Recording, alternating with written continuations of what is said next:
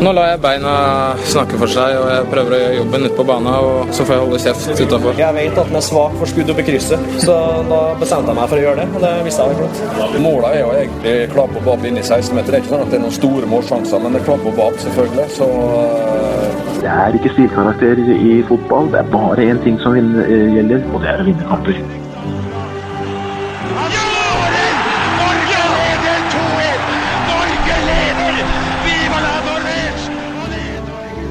Og der er uh, toppfotball uh, tilbake. Og det begynner å nærme seg jul, Lasse, men vi har ikke gitt oss ennå. Nei, vi har ikke gitt oss helt ennå. Det er jo fortsatt uh, drøye tre uker igjen. Ja. Er, vi har fortsatt nok å snakke om. Det skjer ting i, i norsk fotball. Cupfinalen er overstått. Men det som kanskje gjenstår på toppnivå, er, er denne playoff-kampen som vi skal touche litt innpå senere. Ja, fotballen er langt fra over, og dette er jo bare en forsmak på hva vi får neste år. Så her er det bare å stålsette seg, kjenner jeg. Ja, apropos stål. Ligner litt på underlaget som var på Jerv På Levermyr. Stabæk. Oh. På Levermyr. Ja, det så tungt ut. Var du, Holdt du deg hjemme fra jobb for å følge med på kampen som ja, gikk klokken 12.00? Hver gang det er fotball til lunsj, så ja. er det utvida lunsjpause.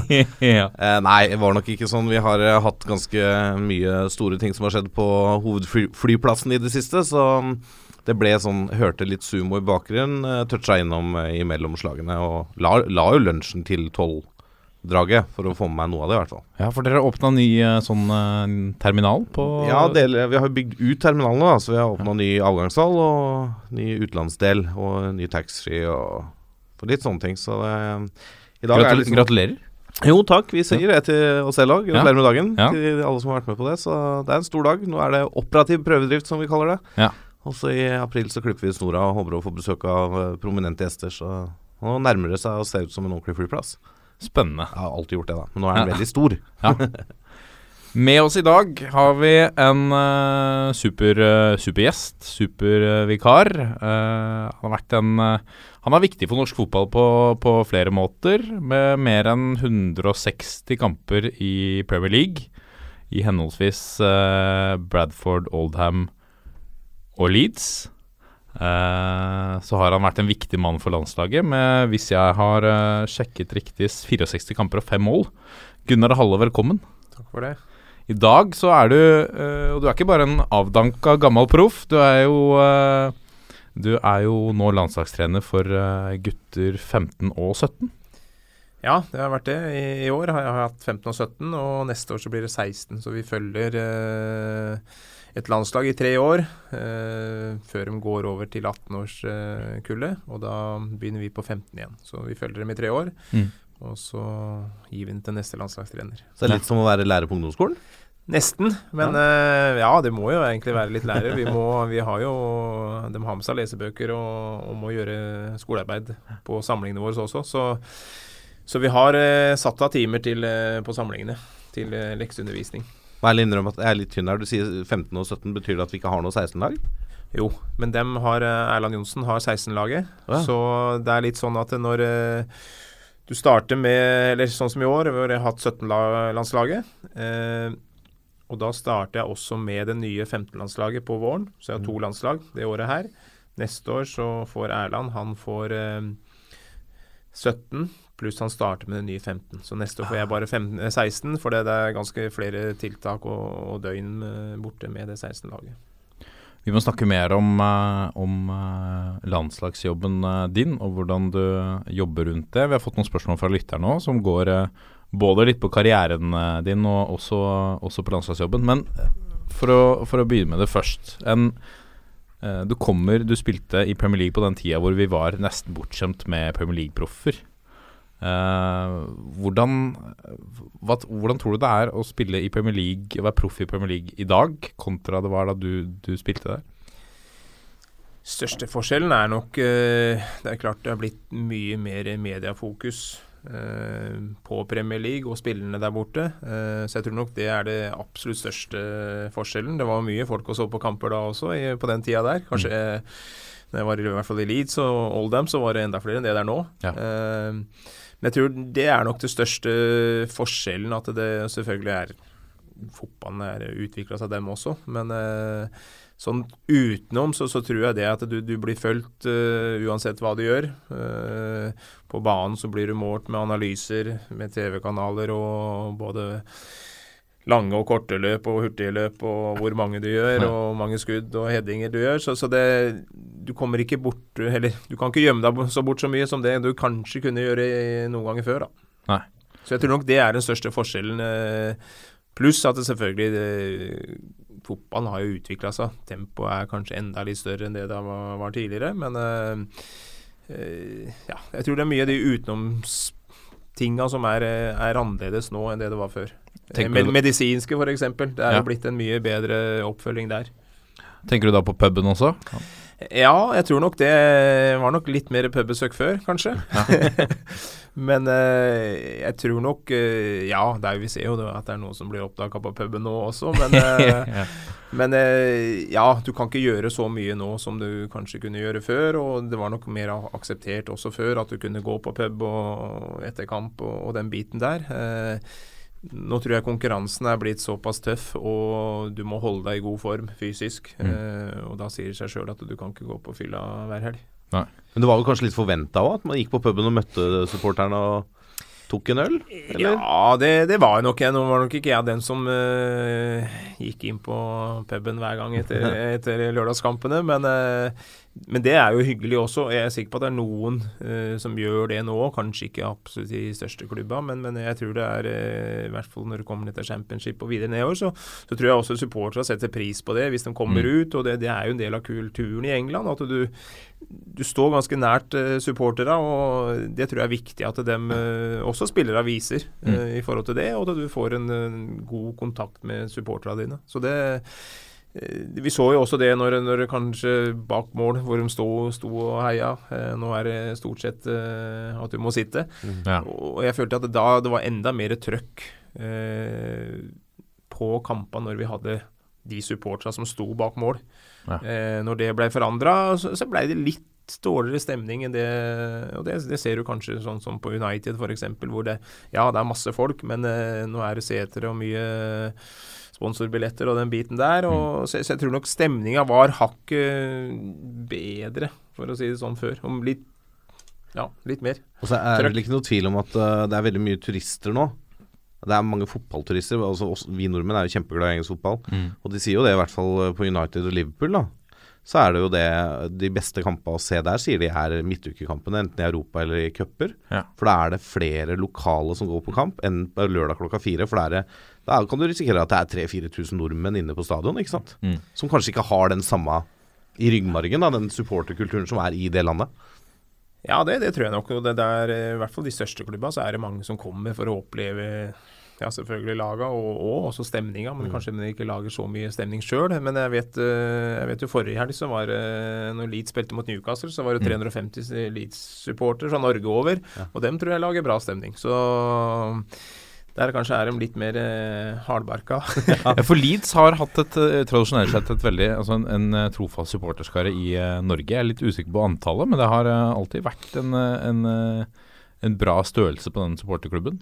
Ja, Jeg er ikke sikker på akkurat hvor mange det er nå, men uh, det er vel den fjerde eller femte største ja. uh, i Norge. Og de har uh, Ja, de følger klubben sin, og nå har det vært mye ned den siste tida. Så ja. nå ser det ut som det går litt bedre nå, men, men der er det mange som følger. Du så jo nå når de spilte mot Liverpool borte i, mm. i cupen, så var det også masse nordmenn der, faktisk. Så det, og de gir, gir lyd fra seg, så det, det er gøy å høre på.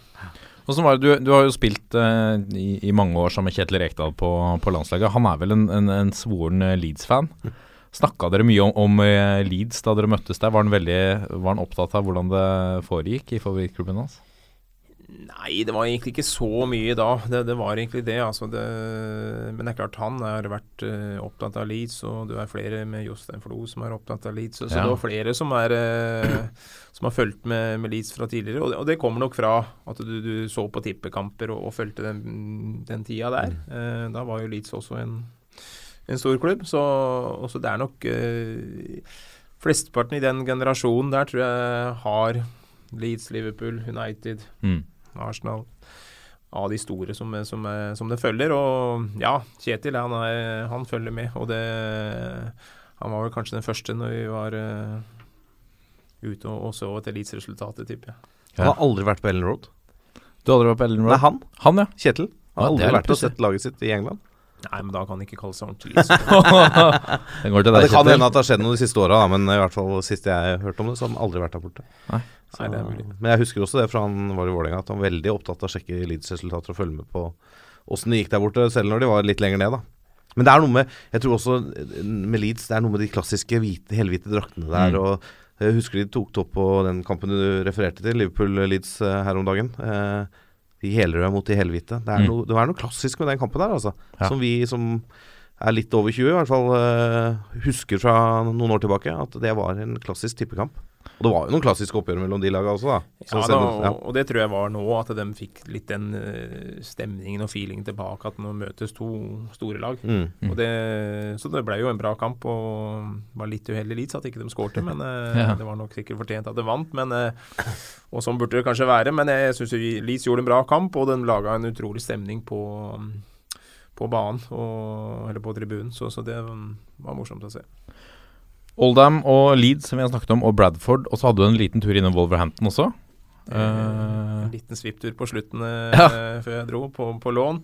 Helt på slutten hvor vi var med i en playoff, så Ja, så da var det litt snakk om at om vi skulle fortsette eller skulle dra hjem til Norge. Da Ja. hadde vi egentlig bestemt oss at vi skulle dra hjem, men så ja, kom det litt forespørsel om at vi skulle, om jeg skulle være litt lenger. Men uh, da hadde vi bestemt oss, og da, og da ble det Lillestrøm. da ble det Lillestrøm. Hva er det, hvis du, hvis du tenker på spesielt eh, England da først, hva, hva er det fotballminnet kanskje som, som står igjen sterkest hos deg? Nei, kan du si det eh, Hva skal jeg si? Jeg, føler at den eh, Når du kommer til England og, Mm. og opplever kulturen med supportere som er så interesserte og genuint interesserte Mm. Du har eh, bestemor som kommer med på lørdag eller fredag med, med drakta på Mm. eh, og er ordentlig interessert. og jeg- føler jo, Og litt sånn pubkultur som vi, vi snakka om tidligere, så, så føler jeg at det er eh, hva skal jeg si, Det er litt annerledes enn det det her er i Norge. da, i forhold til det. De er veldig sånn øh, trofaste mot klubben sin, og det er litt mer fighting enn det det kanskje er i andre land. Så det er liksom kanskje inntrykket som sitter best igjen. da, Selvfølgelig masse kamper som var morsomme å spille. og Du fikk jo spille på mange store stadioner og, og mot gode lag, og det var selvfølgelig kjempegøy. og Mm. så, så, så det er masse inntrykk eh, og, som du sitter igjen med etter en sånn karriere der borte. Og det, nå fikk jeg oppleve både Premier League og førstedivisjon òg, så, så det Og det er jo Selv i førstedivisjon så er det god stemning og, og mye folk, så det Nesten noen ganger bedre stemning Ja. på de mindre banene, men eh, så eh, ja, eh, masse fine kamper, og jeg syns det var ekstra gøy når det var mye folk. Når det Ja. var mer folk det var på tribunen, og mer trøkk det var, jo følte jeg da Ja, dette er morsomt. Har du noe ordentlig, en ordentlig god fotballstory, enten fra England eller landslaget? Du har vært med på så mye Eller Norge, da, hvis norsk fotball der egentlig. ja, ja, ja, eller fra Norge. Ja, altså historier eh. Når jeg kom til England, så, så var det jo egentlig det første Jeg, jeg fikk ikke arbeidstillatelse med en gang. Eh, Jeg kom, var der i desember i, i 90, og så dro jeg over i, i januar igjen. Og da måtte jeg vente på arbeidstillatelsen, så jeg spilte en re, sånn reservelagskamp, da, for det fikk jeg lov til å gjøre mot Preston borte. Ja. Og da var det jo minus to i lufta, litt snø. Um, jeg syns det var kaldt. Ja. uh, ja, jeg skifta. Uh, tok meg Hadde tatt meg superundertøy hjemmefra, jeg vet. Ja. Det skulle jeg ikke gjort. Å. Tok på meg superundertøy eh, under, under skjorta og eller trøya. Og så hadde jeg også med lang, lang superrundtøy på, på beina, da, men det når jeg så ingen andre gjorde noe Den får lov å ligge der. Så jeg ble jo mobba egentlig ganske kraftig for det, da, at jeg kom fra Norge hvor det er kaldt og Viking, snø liksom. og ja, begynne å ta på seg superrundtøy, Det var liksom eh, var et par stykker som satt på radiatoren og varma opp. så, så den eh, Ja, så jeg glemmer ikke den, egentlig. Eh, nei, ja, andre historier fra England, så, så Jeg husker jo en eh, Når jeg var i Leeds en kamp, vi spilte mot eh, Arsenal borte. Mm. Uh, Cupkamp. Ian Wright var jo spissen da. Ja. Eh, og det var jo George Graham som, som hadde hatt Arsenal tidligere, som var manageren vår. Da. Ja. Og da fikk jeg beskjed om at eh, før kampen at eh, ja, du skal spille midtstopper. Og du skal mannsmarkere in right. Ja.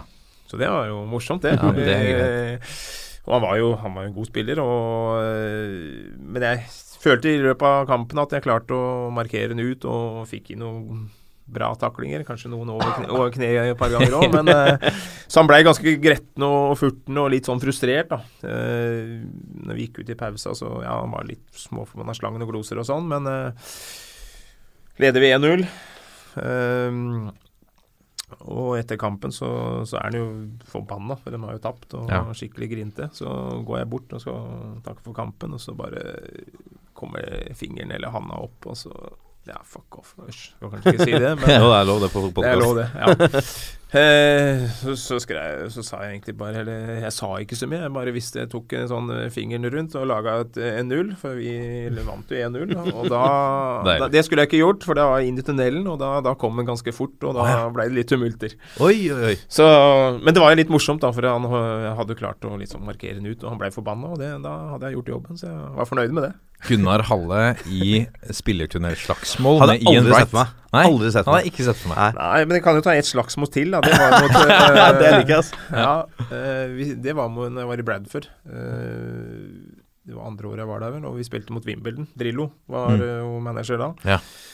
Det var vel en av de siste kampene, jeg husker ikke om det var nest siste, eller eh, Ja, vi, vi lå jo om nedrykk begge to. Mm. Eh, og i Bradford i garderoben så er det, før vi gikk opp, vi var varma opp, det var en kjempeviktig kamp for begge laga. Eh, tunnelen, eller der vi går ut fra garderoben, der er det ja, Du får nesten ikke stå to ved siden av hverandre. Så vi kommer ut, vi har garderoben lengst inn.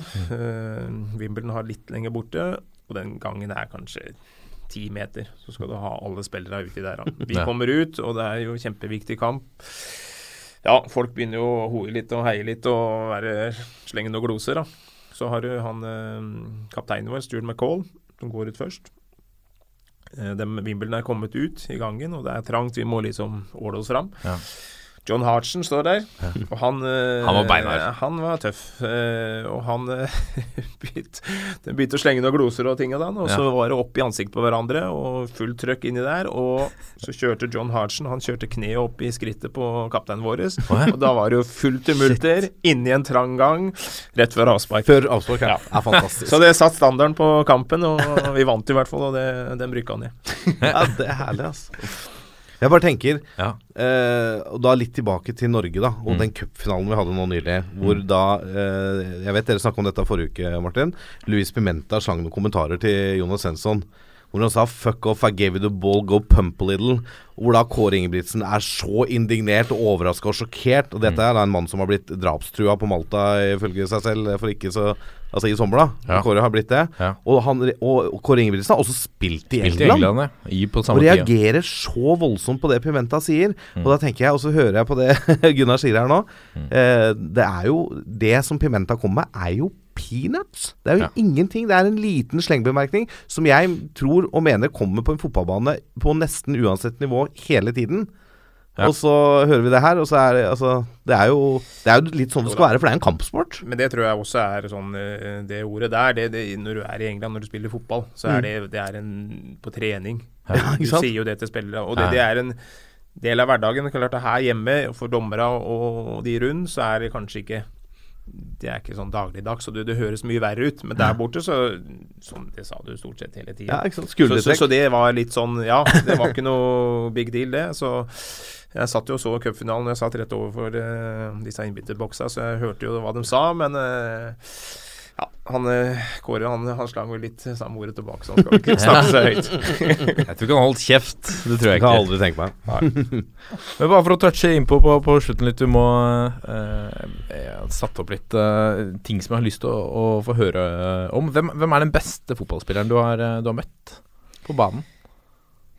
Nei, jeg, jeg har jo spilt uh, selvfølgelig her i Norge, uh, som det har vært møtt mange gode spillere også, men uh, når jeg var i England mange gode der. Du Mm. har Ian Wright nevnte du jo. Ian Wright, ja, du hadde en del på, på Arsenal med Bergkamp, eh, Cantona, Ryan Ja. Giggs, som jeg ofte møtte på sida mi. Ja. Det Så- kan ikke ha vært uh, Hvordan var det? Hvordan forberedte du deg til å møte Ryan Giggs? Nei, det er klart han eh, På slutten så ble han kanskje litt eh, Gikk ikke så fort med, men han, han var jo en spiller som gikk begge veier. Mm. Så det var egentlig tøft å møte han, og det er klart du Viktigste var å egentlig prøve å komme han opp inn tidlig, og så ikke han fikk satt fart og utfordra. Men det er klart, han eh, og United hadde jo selvfølgelig et godt lag, og det Ja, så men eh, han er en god spiller. Du hadde John Barnes, som jeg også møtte en del ganger. John Barnes. Så eh, ja, mange gode i England, men ja, så er det jo landskamper som vi har spilt, og du møtte jo Brasil, har jeg Ja. vært med på egentlig fra de første to Det var vel 88 og Når var den andre? Var det 92 eller noe sånt? Ja. Hvor det var Ronaldo, eller gamle Ronaldo, ikke han nye Ronaldo. Ja. Eh, du hadde Romario. Ja, for, det, ja, for den, eh, det, det var opptakten til eh, Frankrike-VM, det. Ja, vi hadde en i to, var det 92 vi hadde en, og så hadde vi en i 88, Mm. hvor jeg også var med. Ja, men så var det vel en da i 97 97 Det hadde var vel, eller landskamp, 97 var det kanskje. Det var Ja, Tore. André. Ja, ja. 97 var det. Så, Ja, ja, stemmer. stemmer. Vant sier det 4-2. Ja. Ja, stemmer. Mm. Så det er mange der, og du, du har uh, spillere på Italia, Baresi, alle disse her. Ja. Så, så det er mange, mange gode. Men så det er litt van jeg syns det er litt vanskelig å ta ut én som er uh, spesielt. Jeg synes Ja, Det skjønner jeg når du har nevnt den rekka der. Ja. Det er mye forskjellige gode spillere. Hvem er den rareste fotballspilleren du har møtt eller vet om eller sp har spilt med? Nei, jeg tenkte litt på det i stad. Jeg så det spørsmålet her, så jeg, jeg var litt usikker hva jeg skal si der. Men eh, jeg kom på en liten episode, da, som vi, og det var med landslaget. Ja. Uh, ganske tidlig uh, når jeg kom inn. Uh, nå har det vært uh, fullt fokus på sjakk de siste dagene. Mm. Og vi hadde med en som satt i studio og har sittet noen dager i studioet nå og prata. Og Simen Agestein han var jo med på en uh, landskamp som jeg var med Ja. på. Og vi var bort på en bortekamp. Eh, og skulle sp Jeg husker ikke hvem det var mot, eh, om det var i Hviterussland eller Ja. Spiller ikke noen rolle, men, men han var jo ganske distré. eh, selv om han er superintelligent og, og den biten der, så eh, den ene dagen da, hvor vi skulle ned Vi hadde fått beskjed om at vi skulle møte. Vi skulle møte ut og møte ordføreren. Ta på dre- dressjakka, skjorte. Kom ned, og mm, selvfølgelig alle møter opp i resepsjon, skal ut og møte ordføreren. Og selvfølgelig eneste som ikke kommer i dress og skjorte, og kommer i joggebukse og treningsklær, det er Simen Agdestein. Ja. Så ja, han er eh, selvfølgelig veldig intelligent og kan mye, men eh, også en veldig distré person som, eh, som kanskje ikke skulle tro når du ser dem spiller spille sjakk. Og Ja, nå alt fokus på det som skjer på brettet, Ja. så alt annet blir nedprioritert. Ja, det er klart det. Du, Men han var du en god, god fotballspiller også, det var han. Ja. ja, må kanalisere hjernekapasiteten til et uh, spill. Ja. Og glemme alt som er rundt. Ja, ja. Fin egenskap. Jeg tror det er bra egenskap. Ja. Men nå er du en, en eh, viktig del av uh, norsk uh, fotball i forbindelse med eh, landslagsjobben som vi toucha innpå. Hva, eh, hvordan er det å jobbe med unggutta? Hvordan, hvordan ser en, eh, eh, kanskje en, en typisk arbeidsuke for deg som, som landslagstrener? Nei, det varierer litt. Eh, vi har vel eh, Vi har jo mange tiltak. Vi har en del turneringer. Vi er ute og spiller. Sånn som i år, så har jeg hatt både 15 og 17, som jeg sa. Og eh, da er vi jo ute og spiller. Vi har Med disse 15-åringene så har vi spilt ni landskamper. Med 17-åringene så er det vel en ti eller noe sånt. Så det blir en del kamper. Eh, så noen uker blir jo at du selvfølgelig du er på samling, uh, spiller landskamper. Uh, andre uker hvor er du er, er ute og ser, besøker klubber, er på kretslagsturneringer, uh, regionsamlinger, eh, er på klubbtreninger. Mm. Eh, og selvfølgelig, selvfølgelig så har vi eh, kontor på Ullevål også, og vi er der. Og, og det kan være at vi selvfølgelig forbereder eh, samlinger eh, i forkant av når vi, er, når vi er ute og spiller landskamper. Da. Og, så det, det varierer ganske mye egentlig mm, uke til uke. Og spesielt, eh, men det går jo litt opp og ned. Noen, eh, sånn som i høst, så har det vært eh, ganske hektisk fra august til eh, ja, slutten av oktober. Så, Og så er det noen uker kanskje nå som det er litt roligere. Eh, så begynner det igjen på ja, mars og, eller februar-mars igjen. Så, så det er litt vanskelig å si akkurat den. mm. Ja, ja, ja, det er sjelden klart noen uker som er like. Det er jo sånn. en fin egenskap av jobben sin, det, at det ikke er så like dager. Ja, Men hvordan er eh, hva skal jeg si, hva, hva, er fokuset for en G15- og G17-landslagstrener? Er det spillerutvikling? Er det resultatorientert? Skal man spille sånn som A-landslaget altså Nå har vi jo akkurat blitt, eller i hvert fall mista A-landslagstreneren vår, da. Mm. Men var det tanken at det skulle være liksom en gjenkjennbarhet fra A-lagsnivå nedover, eller hvordan er tanken rundt det? Ja, nå er det jo laga en sånn eh, landslagsskole som, mm. eh, som er en plan for hvordan vi skal spille i utgangspunktet. Det, det, er litt frihet uh, det er sånn om vi skal ha hvilket system vi skal ha og sånne ting. Men, men der er det lagt inn uh, rollekrav for hver posisjon, uh, hva vi ser etter i, de, i rollene. Og, og, det er det egentlig det viktigste. Skal det ha vært 15-åringer, så er det mest at vi skal se og, og, og, få dem ut på internasjonal og få internasjonal erfaring. Se dem ute på, i landskamper. så ser vi hvor nivået er en i forhold til Norge, da, hva vi, mm. hva vi gjør her nede. Og det, det, er det viktigste med de yngste. Selvfølgelig, ja. Eh, vi har kvalifiseringskamper til eh, EM neste høst med disse 15-åringene. Og da vil vi selvfølgelig prøve å kvalifisere oss. Det, mm. det er en målsetning. Mm. Eh, eh men det er klart i noen kamper så, så, så, vil det være at vi, ja, vi vil prøve ut ting. Vi vil prøve ut flere forskjellige spillere. så hvis liksom, Vi starter ikke med beste elveren hver gang mm. eh, når de er 15. Det, det, gjør vi ikke, for vi må teste ut flere. Mm. Eh, men det er klart når det kommer også til kvalikkamper, så, så, vil vi jo selvfølgelig vinne mm. eh, og komme oss videre. og det tror jeg kan være, eller Det er bra for norsk fotball hvis vi klarer å kvalifisere oss og komme inn til noen sluttspill. Så tror jeg det vil også gi en boost i forhold til eh, ja, vi så jo når U21 mm. kom seg videre og, og, gjorde det bra, så, så, så, gir det en boost egentlig til hele norsk fotball. Så, så, så ja, eh, vi ser jo ute på spillere i krets, regionstiltak, ser mm. dem i klubber. Eh, og så er det jo å få dem inn i landskamper og, og, og, se om dem klarer å takle det nivået. Det er litt annet å spille landskamp enn å, å spille en klubbkamp. Mm. Så, det er liksom ikke bare ut på banen, det er det hvordan du, du takler det alt det rundt også. Hvordan er det du klarer å øh, øh, vi, har, vi, har, fått noen spørsmål fra, fra noen på, på, Twitter. Kan ta ett av de nå. Fra M-land øh, Thomas, øh, som lurer på hvordan holder du deg oppdatert og får med deg hvilke spillere som gjør det bra på disse nivåene. Det er jo ikke akkurat som at det, det skrives Du får ikke noe gratis her. Du må ut og gjøre research selv på hvem som er i landslagskorpa. Nei, det, det, er jo en utfordring, det. Eh, vi har jo stort land og langt land. Så, men eh, jeg føler nå at vi har eh, som jeg sa tidligere, at vi, vi har kretslagstiltak mm. hvor spillere blir nominert inn av klubba. Og så er det videre derfra blir det tatt ut til regionstiltak, landsdelstiltak, som jeg skal på nå i, morgen og til neste helg. Så, og da vil vi også få se spillere. Pluss at vi har en kretsansvarlig i hver krets som er ansvarlig for å nominere spillere inn til oss. Uh, hvem som er den beste i de aktuelle posisjonene fra hver krets. Uh, og jeg føler nå at uh, jeg starta for to år siden, og da jeg ikke, hadde kanskje ikke så god oversikt da over dem beste, men jeg føler nå at det på det kullet nå så så har jeg ganske bra oversikt over eh, og sett mye. Sett dem i kretslagstiltak, regionstiltak, vært i klubber og sett kamper. Mm. Det er en G16-landsserie som vi ser. Så, så, jeg føler at det er eh, ja, ganske bra at, at, at vi har eh, oversikt over de spillerne som er der ute. Så vil det sikkert være noen som glipper, noen som utvikler seg litt seinere. Eh, som vi forhåpentligvis vil fange opp litt seinere også. Eh, så, jeg, jeg, jeg, føler nå at der, vi har en mye bedre oversikt over de beste enn det vi hadde for noen år siden. Ja.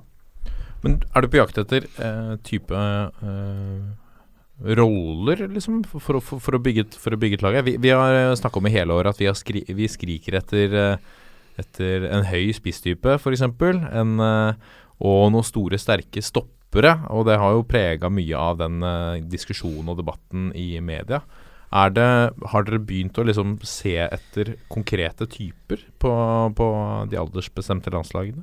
Ja, det gjør vi jo. Ja. Eh, og hvilke, hvilke, spillere som passer inn i forskjellige rollene. Mm. Eh, det, det, gjør vi jo. Så det, selvfølgelig så er det, som du sier, at det har vært mye diskusjon på at vi har masse sentrale eh, spillere. Mm. Eh, ikke så mye kanskje midtstoppere, forsvarsspillere, en spiss.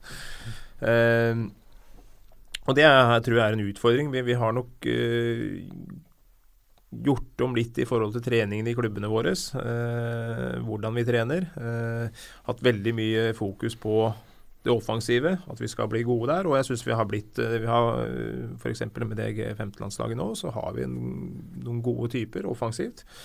Også noe som er bra defensivt. Men jeg, jeg føler at vi er ikke nok spillere på det defensive, og vi er ikke gode nok der. Mot de beste så mangler vi den råskapen inn i egen boks, f.eks.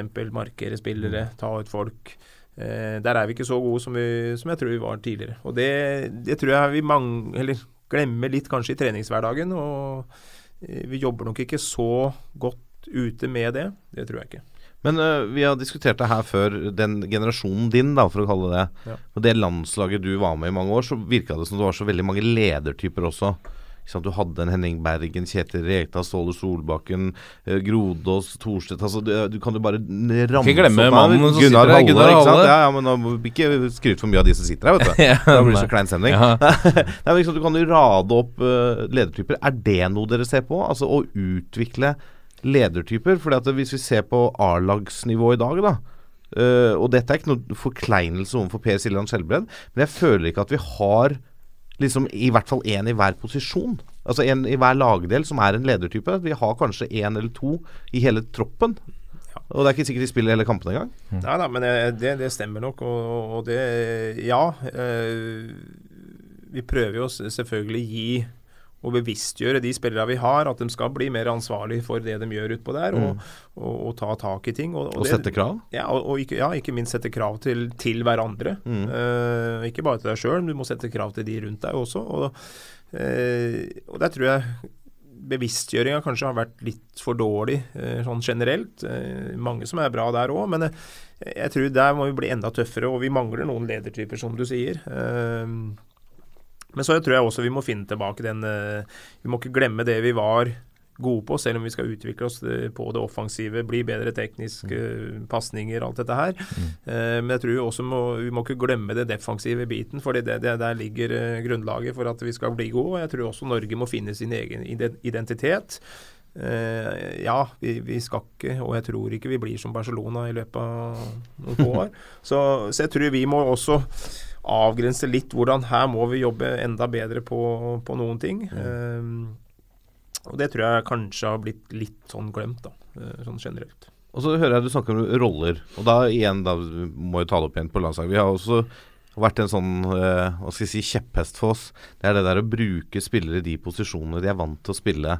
Altså På landslaget så har vi da en Skjelbred som er best. Altså Han er kjempegod sentralt i Bundesliga og spiller i høyrekant. Og så har du kanskje en eh, midtbanespiller som spiller stopper, eller en spiss som spiller kant osv. Så, videre, og så, videre. så har du eksempler på at det har funka med en Jostein Flo f.eks. Han har jo funka som kantspiller, han, selv om han egentlig kanskje var midtspiss.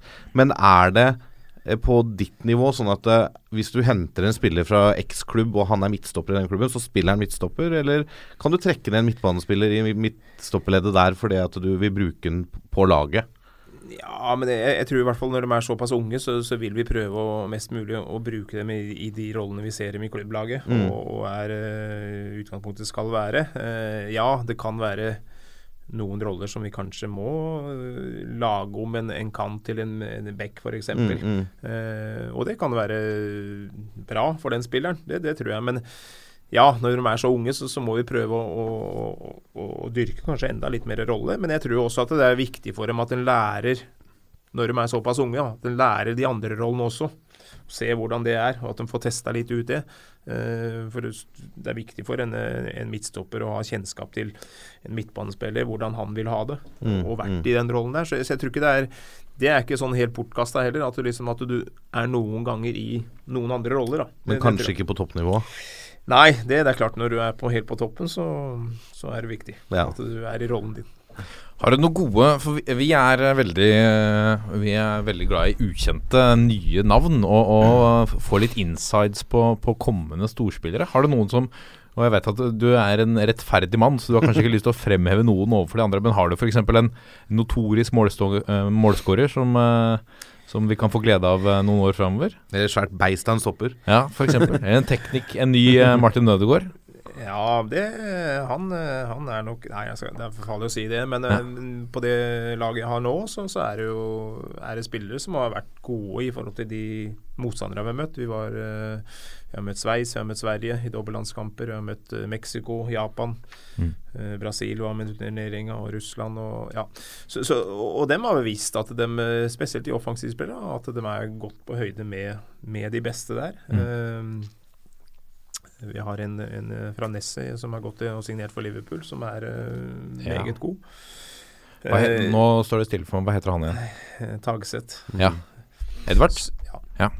Så, så, men det er klart, han har, en, han har akkurat starta, han òg, så han har en vei å gå. Så, og man klarer å ta de stega videre. Men det er klart, han, han er på et veldig høyt nivå i mm. forhold til uh, jevnaldrende mm. i, i, utlandet. Så, så det og det er også andre spillere som, som, har gjort det bra i disse kampene her. Så det er klart, eh, vi ser jo det at det når de kanskje kommer på 17-18-19, så er det liksom det er der eh, skjæringspunktet er. Mm. Da, da, er kanskje de aller beste får enda bedre matching der de er, i de andre landa. Og så er det kanskje noen 17-18-åringer eh, som må spille tredjedivisjon eller fjerdedivisjon, ja. og ikke er på A-laget. Mm. Ja, for når du er 15 år, så, så, så føler jeg kanskje at det, mm, det husker jeg i hvert fall jeg best fra, fra helt ned på sånn 12-13-14 opp til 15 sikkert, at folk som er tidlig, spillere som er tidlig utvikla, og har utvikla den styrken å se imellom at uh, er disse bare store og sterke fordi at de er det akkurat nå, eller kan de bli store spillere? Det kan ikke være den enkleste jobben å skille på en måte hvem som kan bli gode? Eller er oppgaven din å ta ut de som er best akkurat nå? Nei, det er det ikke. Eh, vi prøver jo å se om, om, om, de som kan utvikle seg og, og bli toppspillere ja. til slutt. Det er jo det som er målet. Det er klart det, det, er ikke enkelt når du er 14 eller første gang vi skal ta dem ut. Så, eh, så vi bommer jo helt sikkert der. Eh, men jeg tror jo og vi tar ikke bare ut de største og, sterkeste. Det, det, blir feil. Men det er klart også vi må vi møter, Når vi møter uh, f.eks. Italia, så, så, kan vi ikke stille med bare småtasser. Så, så, du må også ha litt fysikk, men det, det, det, gjelder jo sånn generelt at du må prøve å uh, Hva skal jeg si Litt sånn uh, mikse forskjellige typer spillere inn. Og så er det selvfølgelig se om du ser utviklingsmuligheter for den spilleren, og mm. kan bli bedre seinere. Eh, vi har noen, noen, små spillere nå som helt sikkert vil ta steg, og kanskje om ett, to, tre år, det, det, får vi jo se, men som har kanskje ligger enda bedre ferdighetsmessig enn noen av de andre. Og dem prøver vi også selvfølgelig å få dem med. Det er ikke sikkert de blir ved hver gang, men at vi gir dem litt input eh, og får testa litt. Grann. Hvor er det du um, har, har, du noen flere navn til oss, for eksempel, eh, forresten? Edvard Takseth. Altså, det, det, visste vi. Såpass følger vi med. Følger vi med. Har du, men har du en stopper eller, eh, eller en spiss? Keeper. En keeper. ja, nei, det, men jeg syns det er litt sånn vanskelig å si. at Det, for det, det, men vi, vi, har jo en Oskar Aga som har vært i Stabæk, som har skåret mye mål. Han har vært skada litt, men uh, Cornelius Nordmann Hansen, som mm. til Strømsgodset, som, eh, som, er god på det som er spiss. Uh, så, så, det er flere egentlig som har visst bra nivå det, det, på, de, på, det laget her. Mm. Uh, og så får vi se om de klarer nå å ta, ta neste steg. Men kan du, som er så tett på det, si til oss som nå har det litt tungt som Vi er glad i landslaget vårt. Mm. Vi har hatt en tung periode. Kan du si at vi får en ny Jeg kaller det 69-generasjonen, da. Den gjengen som var litt yngre enn eh, Men du spilte mye med de. Den generasjonen får vi et nytt sånt kull med gode spillere som skal løfte norsk fotball opp til å dra til mesterskap igjen. Det har jeg lyst til å høre at vi får, altså. Mm. Ja, det, jeg, jeg, tror det. Jeg mener, vi, jeg syns vi ser I hvert fall det, det offensive, det ligger der. Der mm. er det mange vi ser på U21. Mm. Uh, jeg var med den nye U21 nå på La Manga en uke, og, og det, du har spillere der som er uh, gode. Uh, så, jeg tror nok den utfordringen og, og klubba også må jobbe enda litt mer med den defensive, for det der vi, vi mangler litt der. og det gjelder ikke kanskje bare Eh, en stopper. Vi må være også mer litt sånn eh, ærgjerrige som midtbanespillere, som spisser, i forhold til den biten der. Eh, og som lag. Det, det tror jeg det må vi også lære internasjonalt. Så, men det er klart, jeg, jeg, jeg tror Jeg syns jeg ser at det I hvert fall når vi møter de andre landa nå, så, så, så er vi ikke langt unna. Og vi er godt på høyde med kanskje de nest beste, ikke de beste lagene, kanskje. Helt på toppen. Men eh, vi har spillere som er helt på topp, og så har vi kanskje ikke nok spillere. Nei. Vi er ikke så mange, vi har noen få. Ja. Uh, så jeg skulle gjerne ønske at vi hadde hatt noen flere som, uh, som kunne vært med og, og, og bidratt. Men uh, jeg syns i hvert fall at nå, nå kommer det en del, og spennende spillere. Men jeg, vi, må ha, vi må finne noen gode forsvarsspillere etter hvert òg. Og det kommer noen. Får vi noen backer som skårer hat trick for A-landslaget? Oh, vi må dit. Vi må Ja, innom vi det. må innom det. Ja. Det tror jeg er vanskelig. For i var det, var det 92? 92 Ja, i 92, kvalifiseringa til, eh, til VM 94. Så vant vi 10-0 på Ullevål stadion. Mm. Norge i San Marino. Hat trick av Gunnar Halle. Hø Høyrebekk. Roger Nilsen har skåra to fra venstrebekk. Ja. Tenk deg fem av ti mål så er bekka. Det er ganske, Det er deilig. Det er ganske fint. Det er ganske Ja, det er sterkt. Men har du putta mange hat trick i karrieren, eh, Gunnar? Eh, ikke mange, men jeg har skåret. Jeg spilte jo spiss da jeg var yngre, i. Larvik-turen. Og, og i barneskolen i Nesjar også, så, også da, så, og på juniorlandslaget var jeg jo spiss. Ja. Så jeg har spilt og har skåret noen Du gikk litt den veien som Ronny, da. Ronny Johnsen. Begynte Ja, foran. han og- begynte jo foran, så Ja. det, vi går, eh, går litt uh, treigere etter hvert. Det er der vi finner uh, forsvarsspillerne. Vi må Ja. ta noen av de som er gode spisser som 18-19-20-åringer, Ja, ja, ja. og så dytter de helt tilbake. Ja. Ikke til midtbanen, helt, helt hjem. Nei. Der har dere det. Kanskje det er løsninga. Ja. Hører du Ståle eller hvem som blir landslagstrener? Men det er jo det er jo en Altså, jeg tenker eh, Jeg visste jo ikke det at du spilte spiss i yngre dager, da. Mm. Jeg, har tenkt på den kampen flere ganger og tenkt at Gunnar Hallskår hat trick. Ja. Tenkte jeg tenkte jeg, det kan, det kan Det er jo en sjanse for at det er et av de få hat tricka du har hatt i ditt liv, og det kommer på A-landslaget. Ja. Ikke sant? Altså Mange har jo som har spilt spiss som guttespiller og aldri blitt noe mer enn guttespiller, har jo skåra hat trick eh, eh, når de har ligget foran og fiska omtrent. Ikke sant? Men å skåre hat trick på Norge er jo i seg selv ganske spesielt. Ja da, og det, det var eh, Selv om det var kanskje ikke den beste motstand, så var det uansett så var det kjempegøy å få et handtrick, og, og vi vant 10-0. Og det, det var litt spesielt, det. Så det, det, er ikke, er ikke så mange lag som vinner 10-0. Og det, det var jo litt den kvaliken der som var, vi var gode i. Eh, så det, det var morsomt. For vi satt jo og titta på det før sending her. Mm. Hvor mange hat trick har vi for Norge? Og, eh, og I nyere tid så er det ikke så mange, altså. Nei, da har du uh, Leonardsen, også i 92. Mot Bermuda. I februar 92 borte med Bermuda, vant 3-0. Han skåra alle tre. Ja. Så var det noen som tipsa oss om Fjørtoft mot Kamerun. Han skåra to, kom inn etter 53, så det er jo sterkt i seg selv. Ja. Og så har du Reka mot Ungarn, da. I han må være 96-97. Ja, tenker jeg. Skåra tre tre, mål mål, på- på... de siste ti der. Ja. Og det er vel det vi klarte å finne fram til, i hvert fall eh, fra Drillo 1 da, og til nå. Ja. Det er sikkert noen flere i noen Det- treningskamper ja, og sånn òg, men Kan ikke folk tipse tipse sånn om det? Jo, det vil vi gjerne høre. Ja. Det er veldig Men det, jeg tror ikke det er mange. Jeg tror ikke vi får mange tips på det her. Nei, det tror jeg ikke. Nå sitter han Nå, nå blir han brydd her. Nei, ja, men det ja, men eh, jeg tror ikke det er så mange, jeg heller. ser du. Ja, ikke så det brydd. er, ja, det er herlig.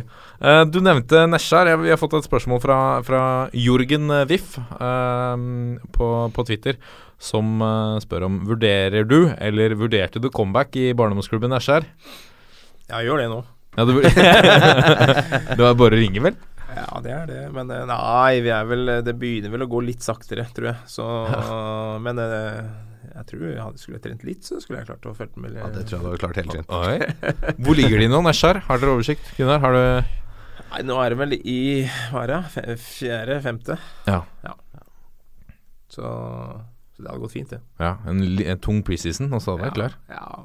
Et par uker så går det fint. Vi er vant til korte preseason. Ja, Hører du, Neshar? Bare ringer Gunnar. Han er klar.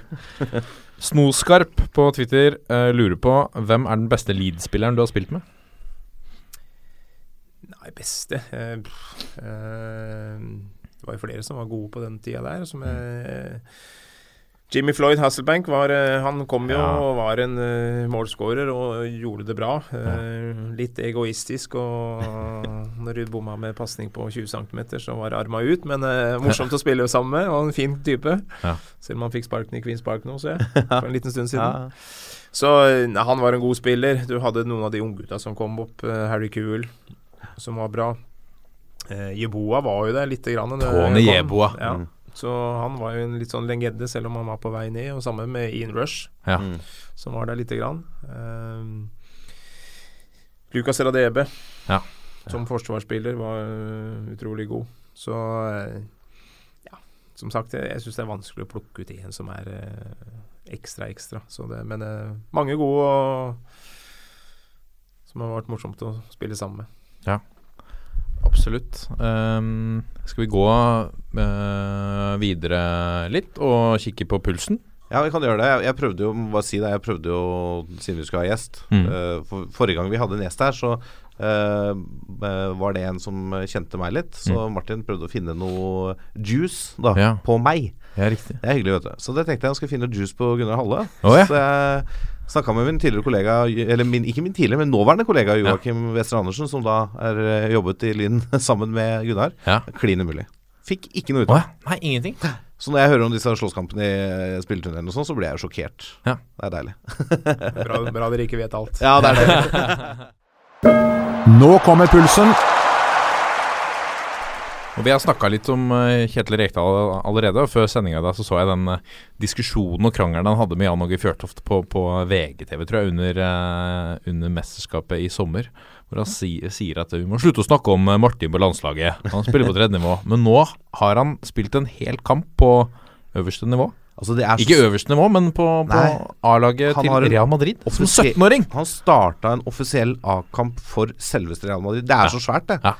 Jeg tror ikke folk egentlig skjønner hvor stort det er. Og, og det, ok, ja, de møtte et lag de leda 7-1 mot etter første kamp, og Mm. de vant 6-1 i går, og alt det der. Og det er et uh, lag på ganske lavt nivå. Men allikevel, han har spilt på Santiago Bernabeu fra start for Real Madrid Ja. som 17-åring, og han er norsk. Ja. Det er jo helt fantastisk. Ja, det er helt uh, strålende. Hva, blir du varm i, i fotballhjertet, Gunnar? Ja, det er jo fantastisk at han uh, er der og spiller der, og Mm. får sjansen til å spille. Uh, jeg syns han blei, når han gikk dit, så, så var vel forventningene litt for høye, og, og, og det var jo media egentlig som uh, mente at han skulle inn og spille med en gang. Men Ja. det er en del gode fotballspillere der borte, og jeg tror han trenger litt tid for å, å bli vant til eh, både spansk fotball og klubben og, og, og nivået. Mm. Og det ser ut som han, han begynner å ta nå, og han er en kjempegod fotballspiller. Og jeg er sikker på at han, eh, om han kanskje må gå på utlån for å få enda litt mer spilletid etter hvert, men han skal ikke glemme han er ikke så gammel. Og det er klart, eh, det er ikke alle som eh, spiller på Real Madrid når de er 17. Så, så, liksom det, så jeg tror du skal være litt tålmodig, og, men jeg syns jo media var Ja, det er liksom Martin Ødegaard skulle redde, alt og alle. Og det, det syns jeg er litt feil. Og det, det, det, det gjorde han jo ikke, og det, det blir litt sånn tøft for han, tror jeg. Eh, forventningene er egentlig litt feil. Men burde han, sånn i, hvis vi skal være litt eh, etterpåkloke, hadde han hatt bedre utbytte av å spille et par sesonger på øverste nivå i Norge, tror du? Og kunne liksom herja litt i Tippeligaen? Eller tror du han har så bra nytte av å av og til få trene med disse verdensstjernene som Bale og trener er det ikke veldig ofte nå? Jo, ja, det virker jo sånn. Ja. Eh, Jo, han trener med dem ganske ofte, tror jeg. Så, så det, det, det er vanskelig å si. Eh, du kunne gjerne sagt at han skulle spilt litt lenger i, i Norge og, fått den matchinga der. Jeg tror han hadde fått eh, kanskje bedre matching sånn sett enn det Mm. han gjør på det tredje nivået der nede, med Castilla. Så, men ja, han, han får en fantastisk utvikling og, og trener med det beste, selv om Mm. kanskje treningshverdagen for dem eh, er litt annerledes eh, med en som ikke spiller hele tida, for det er jo matcher hele, Mm. stort sett hele tida. Så, så, men det, det er vanskelig å si nei når Real Madrid kommer eller en annen klubb kommer, så, og, og, ta den sjansen. Så, men ja, det, det kan godt hende han skulle venta litt, men jeg, jeg tror uansett nå han får en god utvikling. og jeg er sikker på at han, eh, om han blir i Real Madrid hele ti- tida, det, det vet jeg ikke. Men eh, uansett så tror jeg han kommer til å havne i en, en god, god toppklubb i Europa. Veldig spennende å se. Det var veldig eh, deilig. Jeg, jeg frykta litt at vi skulle få se en litt sånn anonym som spilte på det sikre Martin Ødegaard, som han var da han fikk debuten som innbytter, som er helt naturlig. Mm. Uh, da hadde den akkurat kommet også.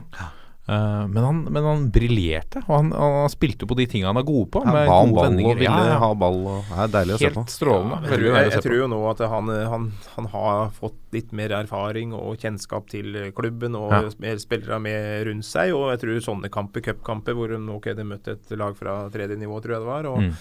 eh, det er klart de kampene der, der kan være med, han også være med å dominere. Ja. Eh, for han er så god at det Og det, det er kanskje en, en, det de tenker også, å matche den litt sånn forsiktig inn. Og Ja. Så får vi se om han ja, eventuelt må på utlån først, og så eventuelt komme tilbake. Så har han fått litt bedre fysikk, og så får han spille med veldig gode spillere i den kampen. Altså Du Mm. har en spiller han spilte med i går som har vært eh, toppskårer i VM. Ja.